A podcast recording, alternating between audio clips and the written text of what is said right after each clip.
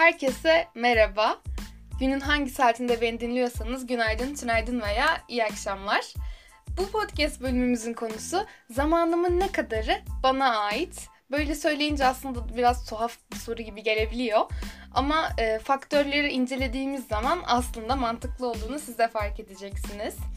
Zamanımı etkileyen faktörleri ben ikiye ay- ayırdım. Birincisi biyolojik faktörler, ikincisi çevresel faktörler. Biyolojik faktörlerden kastım uyku saatimiz veya hasta olduğumuz zamanlarda iyileşmek için geçirmek zorunda kaldığımız süreler. Yani bu zaman süresinde de hiçbir şekilde efektif bir şeyler yapamadığımız için bunlar da tamamen biyolojimizin bize e, attığı kazıklardan bir tanesi. Çevresel faktörlere geldiğimizde iş daha da karmaşıklaşıyor. İnsanlar, ortam, kurallar yani kurallardan kastım ailesel, toplumsal bir takım ritüellerden bahsediyorum aslında yapmak zorunda olduğumuz şeyler. Ee, Bugün insanlar alt başlığını inceleyeceğiz. Benim çevremde en çok gözlemlediğim ve insanları en çok rahatsız eden, huzursuz eden, ya ben nerede hata yapıyorum diye düşündüren bir konu var aslında. Belki aynı durumu siz de yaşıyorsunuzdur. Buna küçük bir farkındalık oluşturmak istiyorum. Ben zaten bunu çok yakın bir zamanda fark ettim böyle bir durum olduğunu. Sanki zaman elinizde değilmiş gibi, insanlar sizin yerinize karar veriyormuş gibi hissediyorsanız e, size faydalı olabilecek birkaç cümle bir şey söylemek istiyorum.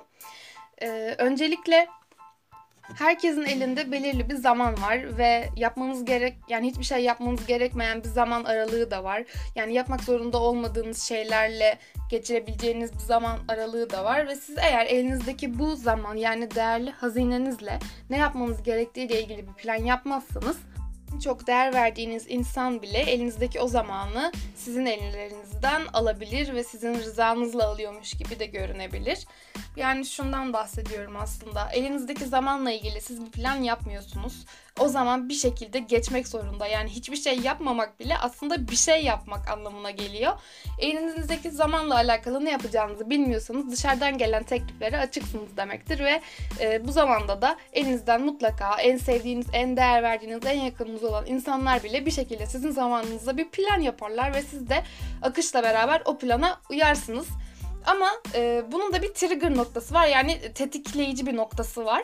Burada e, bunu fark ettikten sonra ya da fark etmeden bilinçaltının fark edebileceği bir seviyede kurban psikolojisine girmemek. Çünkü farkındayım ki kurban psikolojisine girmenin şu an bu çağda, bu yüzyılda, bu zamanda artık hiçbir yeri yok. Çünkü kurban psikolojisine girmek demek artık hayat yarışından çekilmek demek ya da e, insanları artık tamam ben bunu da yaşayamayacağım, ben yapamayacağım, siz önüme geçin demek.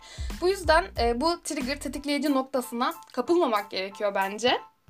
Hem insanı kurban psikolojisine sokabileceği gibi hem de e, bu durum insanı bence uzun vadede değersizlik duygularını da tetikleyebilir insanın. Bu yüzden hayatının kontrolünün sanki kendi elinde olmadığını da düşünüp bir takım depresif duygulara bile girebilir yani artık daha bir üst noktası.